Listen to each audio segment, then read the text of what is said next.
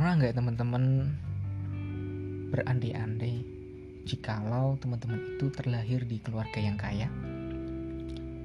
Apakah hidup kita itu akan menjadi lebih baik atau enggak? Atau malah biasa saja gitu.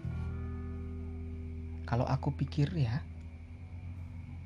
kita terlahir di keluarga kaya atau terlahir di keluarga miskin atau terlahir di keluarga menengah keluarga yang kita saat ini punyai merupakan keluarga yang dipilihkan oleh Tuhan untuk kita yang patut kita syukuri.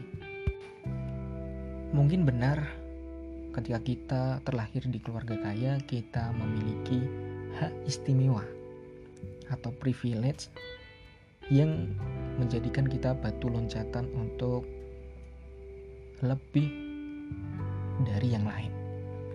Tapi yang aku yakini bahwa hak istimewa itu atau privilege itu ada atau enggak kembali lagi sih kepada siapa yang menjalankan.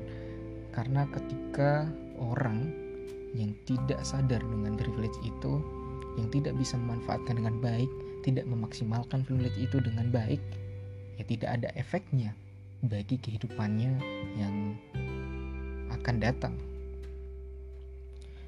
ya ini merupakan sebuah nasib sih mau terlahir kaya atau miskin karena setiap kita itu mempunyai hak untuk mengubah nasib hanya kadang sebagai orang yang terlahir di kalangan menengah kita itu sering terhambat oleh ego dan alasan-alasan kita sendiri yang membuat kita tidak lantas bertumbuh. Apa itu? Yaitu terlalu lama di zona nyaman. Zona yang sebenarnya belum tentu aman sih.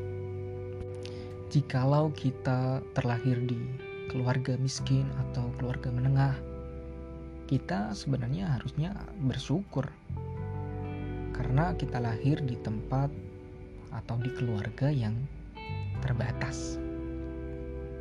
Dengan itu, kita memiliki sebuah hasrat yaitu hasrat untuk bekerja keras untuk mengubah nasib kita. Karena dari kecil kita itu selalu menanamkan, selalu ditanamkan oleh orang tua kita bahwa kalau nggak kerja keras, kalau nggak belajar dengan keras, kita nggak akan menjadi apa-apa di kemudian hari gitu.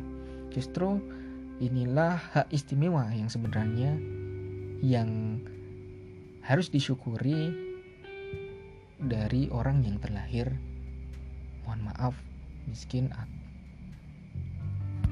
yang di mana hak istimewa ini belum tentu loh dimiliki oleh anak-anak yang lain.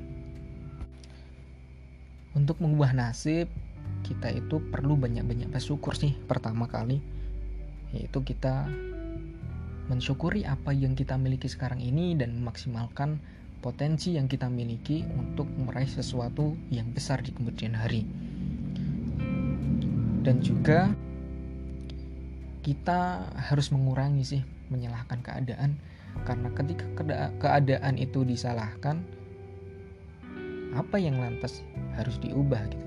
Karena keadaan yang ada itu harus diubah bukan untuk disalahkan. Dan yang pasti bahwa kaya atau miskin itu tergantung mental. Bisa saja kita itu terbatas dari segi materi tapi ilmu dan mindset kita itu selalu saja bertumbuh. Kita itu jangan meyakini apa yang kita lihat, tetapi lihat apa yang kita yakini.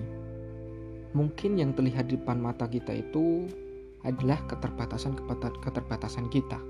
Tetapi yang membuat kita semangat ialah kita mampu melihat hal yang kita yakini. Jadi kita itu harus bermimpi besar.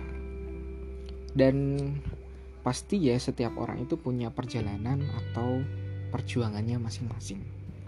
Terlahir di keluarga kaya atau bukan, akan selalu ada ujiannya. Makanya yang menang adalah orang yang selalu bersyukur. Karena kita karena ketika kita itu sudah bersyukur, kita mengenal baik potensi diri kita, kita bisa memaksimalkan apa yang ada di sekitar kita untuk meraih hal-hal yang besar pada masa depan.